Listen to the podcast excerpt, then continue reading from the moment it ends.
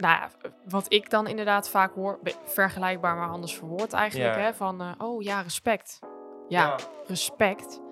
Ja, nou dankjewel. Volgens mij heeft dat niks, niks met respect te maken. Maar het, het, het jammer is eigenlijk dat ze niet weten wat ze missen, Ja. zeg maar. En ik hoop ehm, dat dat iets is eh, dat mensen tegenwoordig niet meer dan zullen zeggen... Wow, respect. Of eh, ja, leuk voor jou, maar ik heb er niks mee. Maar ik hoop dat ze echt aan ons gaan zien van... Wow, maar ik moet dat hebben. Leuk dat je luistert naar een nieuwe aflevering van Hoe doe je dat nou? De podcast. Iedere keer gaan we in gesprek met inspirerende personen of bespreken Tisha en Bram hoe zij over een specifiek thema nadenken. We brengen praktische verhalen en tips hoe je anno 2021 christen kan zijn. Vandaag gaan we in gesprek met Jolien Kooijman over het onderwerp christen zijn. Hey, leuk dat jullie weer luisteren naar een eh, nieuwe aflevering van het nieuwe seizoen.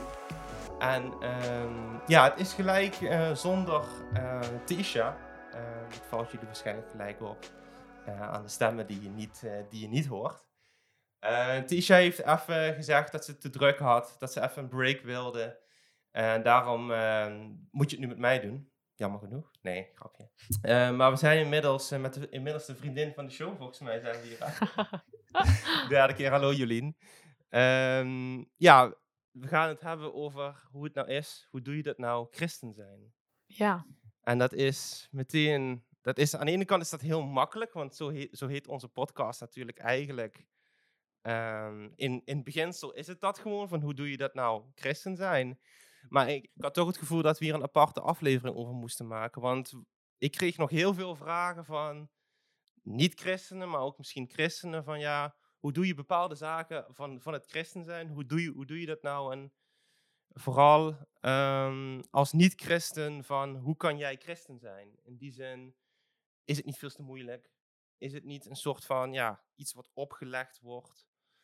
Ehm, en toen ehm, ik wist dat Jolien een boek aan het schrijven was over, ehm, over christen zijn, vooral voor dames. Ja. Maar in ieder geval, hoe dat nou is om christen te zijn. En toen dacht ik van, nou, die combinatie, dat komt goed samen. ja. Dus eh, vandaar dat we hier weer zitten.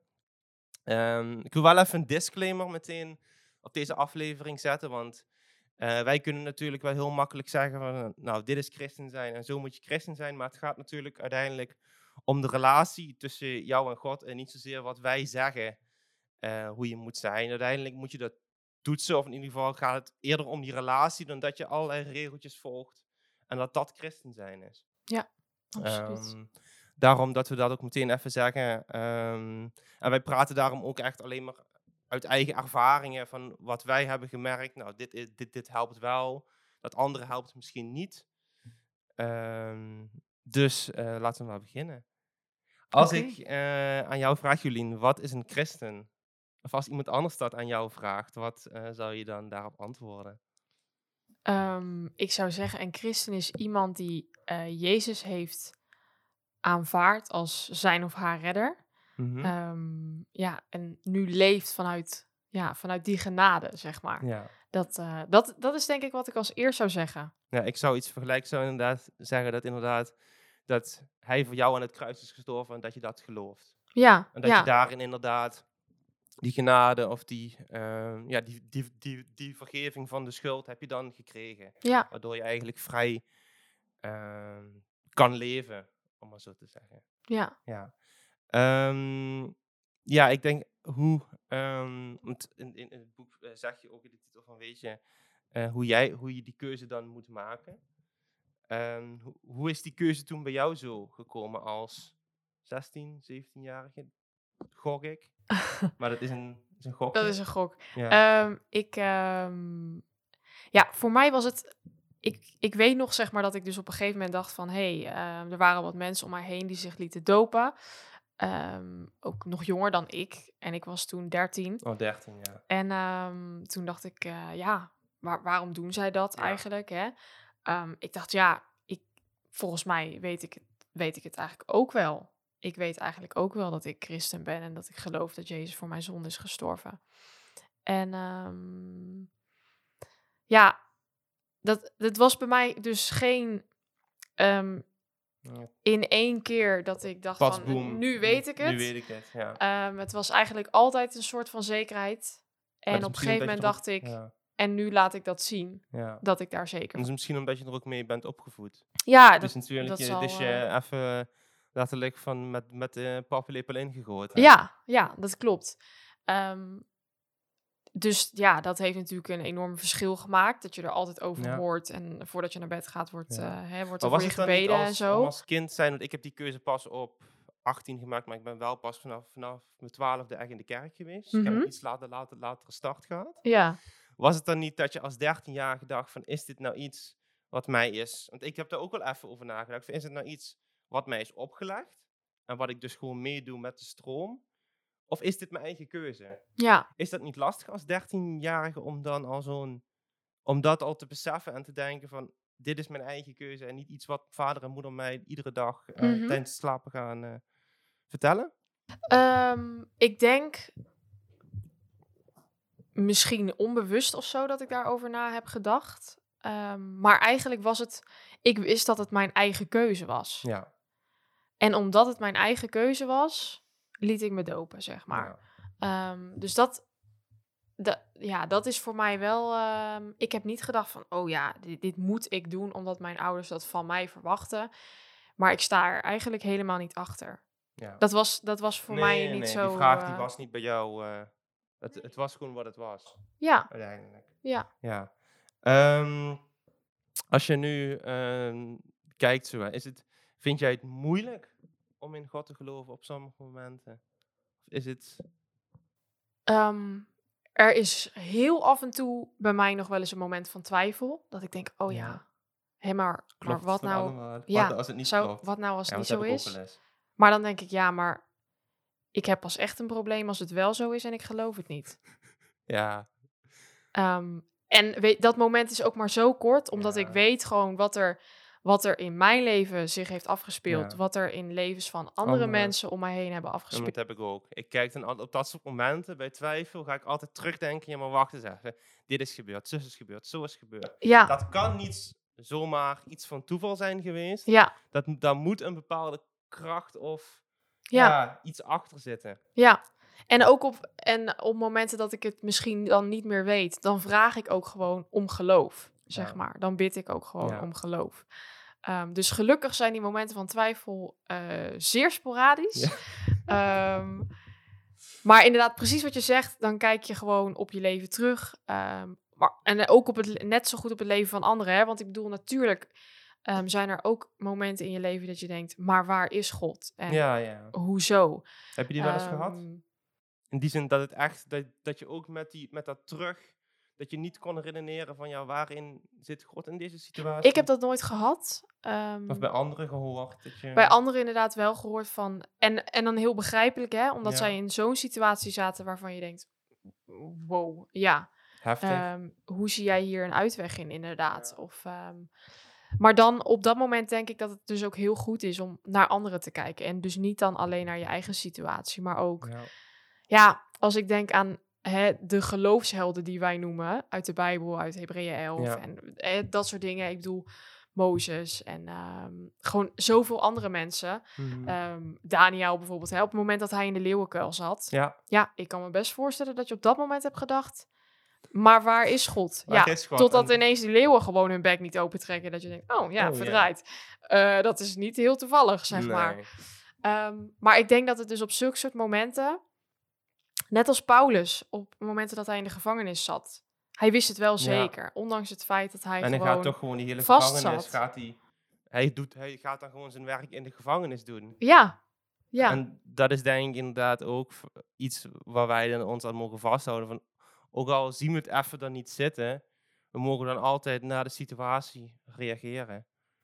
Eh, ik heb namelijk wel eens, wel eens gesprekken met niet-christenen, of die zeggen van, nou, je, ga, je, je gaat naar de kerk, van hoe is het nou? Mhm, En dan zeggen ze heel vaak, ja, ik vind het leuk voor jou, maar ik heb er helemaal niks mee. mhm. Hoe ervaar jij dat? Of hoe... Ehm, ja, nou ja, wat ik dan inderdaad vaak hoor, vergelijkbaar maar anders verwoord eigenlijk, Ja. hè, van, eh, oh ja, respect. Ja, respect.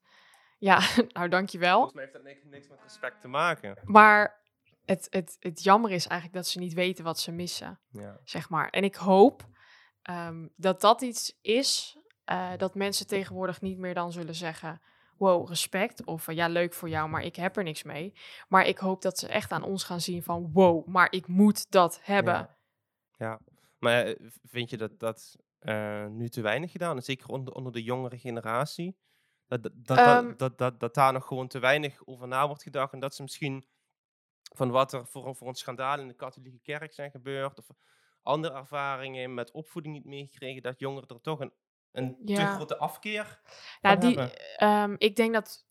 Kijk, dat zijn een beetje de, de standaard verhalen. Hè, Dat zijn de standaard verhalen, eh, ja, hè, maar mijn ouders eh, die hebben geen goede ervaringen met de kerk. En wat ik ook. Daar wil ik niks aan afdoen, hè? Want dat, Nee, dat, dat kan- gelo- dat kan- geloof kan ik zeker. Ja. Ehm, maar het is meer dat ik dat voor mezelf, op mezelf wil betrekken. Van hé, hey, als mens. Ik zou het liefst hebben dat mensen tegen hebben mij denken van wow, dat moet ik ook hebben. In plaats van is leuk voor jou, maar niet voor mij. Ja. Dus meer, ik, ik wil het meer op mezelf betrekken. Dus niet per se op de hele generatie, Nee, eh, nee. op mijn hele generatie, zeg maar, van eh, christenen. Ehm, maar gewoon op mezelf. Ja. En wat zouden wij kunnen doen ehm, als kerken? Kijk, jij gaat naar een andere kerk, ik ga weer naar een andere kerk. Wat zouden we als kerk in het algemeen kunnen doen om misschien een jongere generatie Aan te eh, spreken. Aan, aan- meer aan te spreken. Of in ieder geval, kijk, er zijn natuurlijk al hele moderne, moderne kerken. Dus daar, weet je, de moderniteit zit al in de kerken. Maar Ja. hoe kunnen we toch... Ik weet ook niet per se of het, of het ehm, hoe moderner, hoe aantrekkelijker. Nee, dat, dat, weet dat, dat, is- dat dat verschilt per Ja, persoon natuurlijk. Ja, precies. Dus ehm, ik denk dat het vooral, en ik denk dat iedereen dat wel kan beamen, dat het heel erg relatie is. Ja. Ehm, Dus, ehm, e- e- en ik denk, ik, ik geloof wel, ehm, dat als je gewoon groeit in je relatie met God, dat dat ook steeds meer te zien is aan de buitenkant.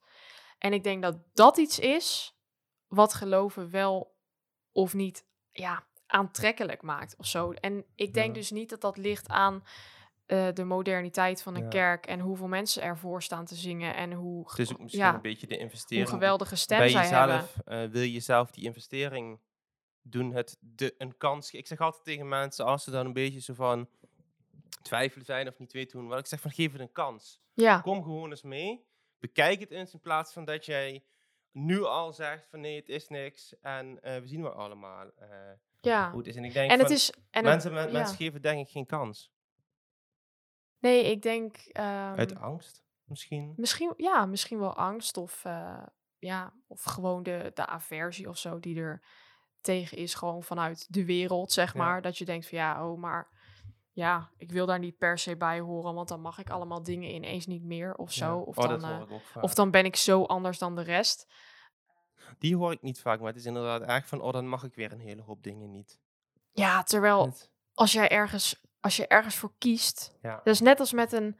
Dat is met, net als met een relatie. Ik bedoel, als jij kiest voor Een een, jongen of een ja. meisje, hè, en jij wil met die persoon een relatie, dan kies je automatisch voor an, dan kies je automatisch niet, niet. voor anderen. Kies je de ander Dus niet. dan, dan moet je ook bepaalde dingen Ja. opgeven. Maar dat doe je dan toch gewoon heel Uit graag. liefde voor de ander. Ja, uit liefde voor de ander. En ik, zo zie ik dat ook met een relatie, je Met relatie God. met God. Ja, Je dan kie- kies je automatisch voor andere dingen niet. Maar dat, Ja. dat is geen, dat is niet per se moeilijk. Af en toe Nee. ook wel. Maar is soms moeilijk. ja, maar dat zijn wel Want soms dingen moet die je dan. keuzes eh, maken die misschien, eh, die je eigenlijk, ja, die je moet maken vanwege je geloof. mhm. Maar waarvan je misschien biologisch, weet ik veel wat zou zeggen, van weet je, ik maak die niet. Ja, Zou die niet willen en dat is, ik bedoel, en dat is natuurlijk nog steeds de zonde die aan ons trekt. Tuurlijk, we zijn, we, zijn, Ja. blijven gewoon mensen. Maar over het algemeen ehm, vind ik het argument, dan mag je ineens een hele hoop dingen niet, Nee, zeg gewoon- maar. hè? Dat, Zou dat eh, ook in Limburg zeggen. Dat is gewoon onzin. ja, Ja, ik denk ja, dat, onzin. dat dat vervalt op het moment dat je kiest voor Jezus en van hem houdt, zeg maar. Ja. Ja. ja, precies.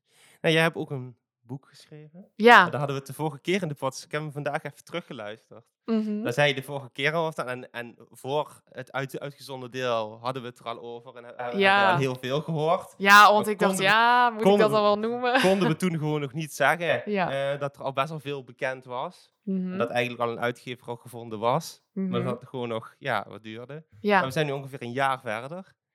En eh, het boek is inmiddels uit. Ja, klopt. Ja, spannend. Ja, tuurlijk. Ik ben ontzettend benieuwd hoe mensen.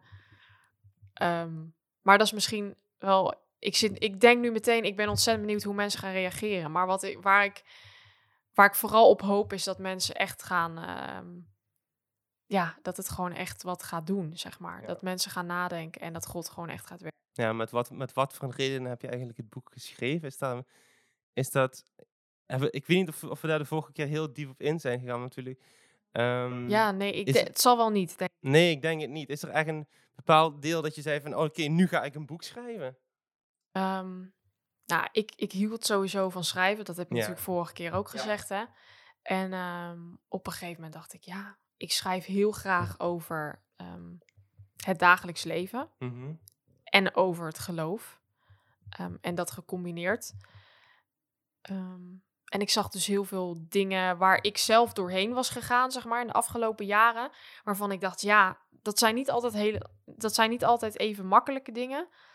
En ik had het misschien best wel eens fijn gevonden als ik daar iets over had kunnen lezen. Ja. Door een leeftijdsgenoot. Ja. Ik had wel eens, ik heb wel eens een artikel of, ehm, weet je, zo'n YouTube-video gezien, weet je wel, van eh, Amerikaanse Mhm. schrijvers, Ja. van eh, Amerikaanse YouTubers.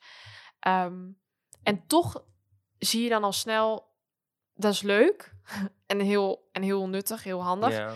Maar sommige dingen sluiten niet aan bij onze cultuur.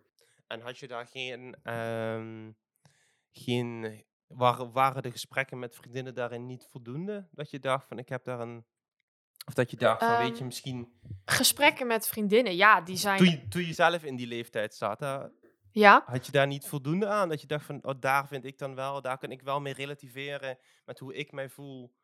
ja Eh, tuurlijk. Je kunt, je, ja. je kunt eh, hè, van hoe zit het bij jou, ervaar je dat ook zo? Ja. Ehm, hoe denk je daarover? Ja. Ehm, maar misschien net even vanuit, ja, vanaf een, een Oudere ehm, leeftijd. Ja, net iets ouder en die er dan ook buiten staat, zeg maar. Die Ja. jouw, jouw wereld niet kent, jouw Ja. leven niet kent. Ehm, Dat is en dan gewoon, fijn. ja, als onafhankelijk persoon daar iets van Een zegt. soort psycholoog, maar dan eh, op het christelijke Ja, aspect. En dan op afstand. Dat het ook, ook misschien, ja, misschien in eerste instantie best wel veilig is. Dat je gewoon er iets over kunt lezen zonder dat inderdaad je, nou ja, psycholoog wil ik niet noemen, maar zonder dat diegene naast je zit, zeg maar. Ja. Ehm, ja, zo denk ik. En vervolgens ben je gaan schrijven. En wat heb je in die. Hoe, hoe heb je. ehm, hoe is dat zo gelopen dat je uiteindelijk nu dus dat boek hebt in de zin van.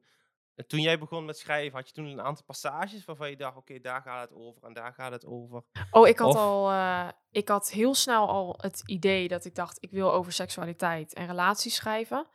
Omdat dat gewoon altijd een, ja, een soort, eh, Taboe is? Ja, Of gewoon niet ja, gesproken wordt? Ehm, kijk, als ik voor mezelf spreek, hè, binnen, binnen vriendinnengroepen, binnen meidenkringen, ja, dat, natuurlijk wordt daar over jongens gepraat. Tuurlijk. En heel veel. Ja. En volgens mij, andersom, eh, is dat ook, wel, redelijk zo. Ja. Ehm, dus ik dacht, daar wil ik sowieso over schrijven. Omdat ehm, dat gewoon, het, het is gewoon een heel belangrijk onderdeel in je leven. ja. Ehm, en ik denk dat God daar iets over te zeggen heeft. Dus dan Hmm. wil ik daar graag over schrijven. Maar omdat het dan niet in de kerk algemeen behandeld wordt? Ik, ehm, Vanuit Gods perspectief dan, hè? Want ik kan me dan voorstellen, ook dat soort Mhm. onderwerpen zouden in het algemeen in de kerk naar voren moeten kunnen komen. ja, Maar zag je, had, je, had je dan dat tekort, dat je zegt van nou, ik wil daarover schrijven, omdat dat niet in de kerk behandeld wordt? nou, natuurlijk als je ernaar gaat zoeken hè, op YouTube, dan kom je wel wat tegen. Ja, tuurlijk. Maar ik denk ja, eh, of dat is dan misschien in een andere taal. Dan denk ik ja, in het Nederlands zou ook wel leuk zijn. Eh, maar die zijn, die zijn er natuurlijk, hè. Maar Ja. ehm, Te weinig. hè. voor echt specifiek voor de doelgroep gericht. Ja. Ehm, en dan ook hè, voor jonge vrouwen dacht ik misschien... Ja, misschien zou het wel fijn zijn als er echt iets wordt geschreven voor, voor die leeftijd. Dat het, echt heel, dat het ook echt aanspreekt. Van hé, hey, dat, is, dat is herkenbaar voor mij. Ehm, maar om inderdaad te zeggen, wordt dat, gaat het daarover in kerken? Ik denk soms wel eens te weinig. Ehm, op, ik bedoel, op een normale zondag Ja, maar- ja, op een normale zondag zit, zit, zit iedere leeftijd daar.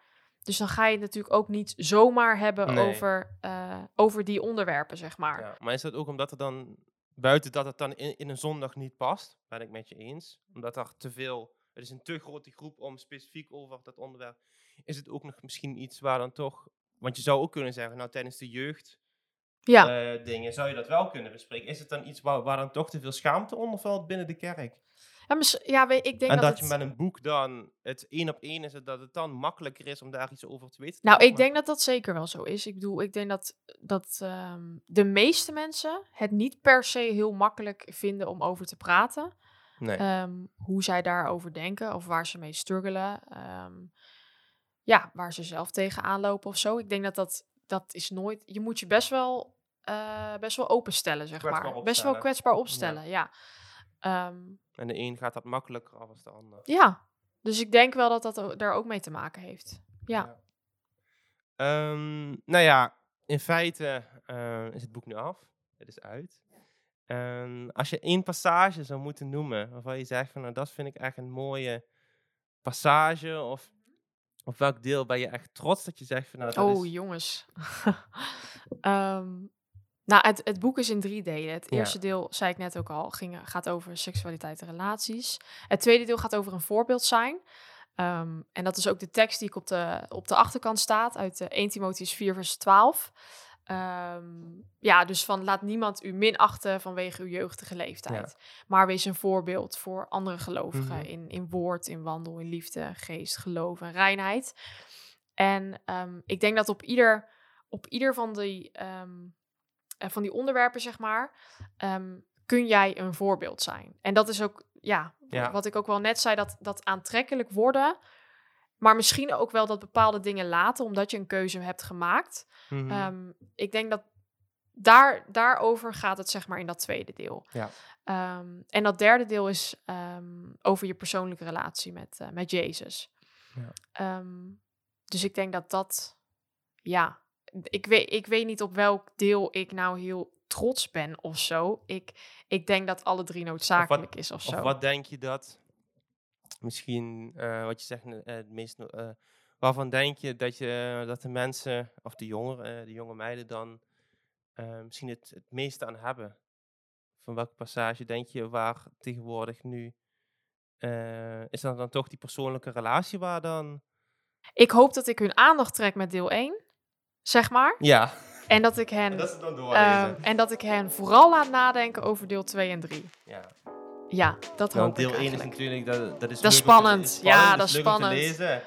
En een deel 2 en 3, dat komt dan iets dichterbij natuurlijk. Ja, en dat, ik, en dat is waar dat het uiteindelijk om gaat. Dat is eigenlijk waar Ja. het gaat. En eigenlijk net zo, of nog, nog, nog belangrijker. Ja, en daarom sluit ik daarmee af, omdat ik dat denk.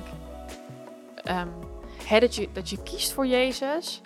ehm, en dat je wil investeren in je relatie met Hem. Hè, door, Mhm. door te bidden, door Bijbel te lezen. Ehm, ik denk dat dat is het allerbelangrijkste. Ehm, dus daar, ja, ik hoop dat dat, eh, dat dat echt mag gaan landen. Mag gaan landen. ja. Hey, Jolien, dankjewel voor dit leuke gesprek. Graag gedaan. Ja, jij Eh, bedankt. Ja, en wil je het boek Gezegend is zij van Jolien nou bestellen? Dan kan dat bij Scholten Uitgeverij, bol.com of bij de plaatselijke christelijke boekhandel. Leuk dat je geluisterd hebt naar Hoe Doe Je Dat Nou, de podcast. Herken je jezelf in het gesprek? Ben je geïnspireerd geraakt of is je iets bijgebleven? Laat dan vooral een reactie achter op onze Instagram, Hoe Doe Je Dat Nou. Ook voor de laatste updates en nieuwtjes over onze aankomende gasten en de podcast ben je hier op het juiste adres. Wil je nog meer afleveringen beluisteren? Klik dan gerust door voor meer luisterplezier. Tot snel!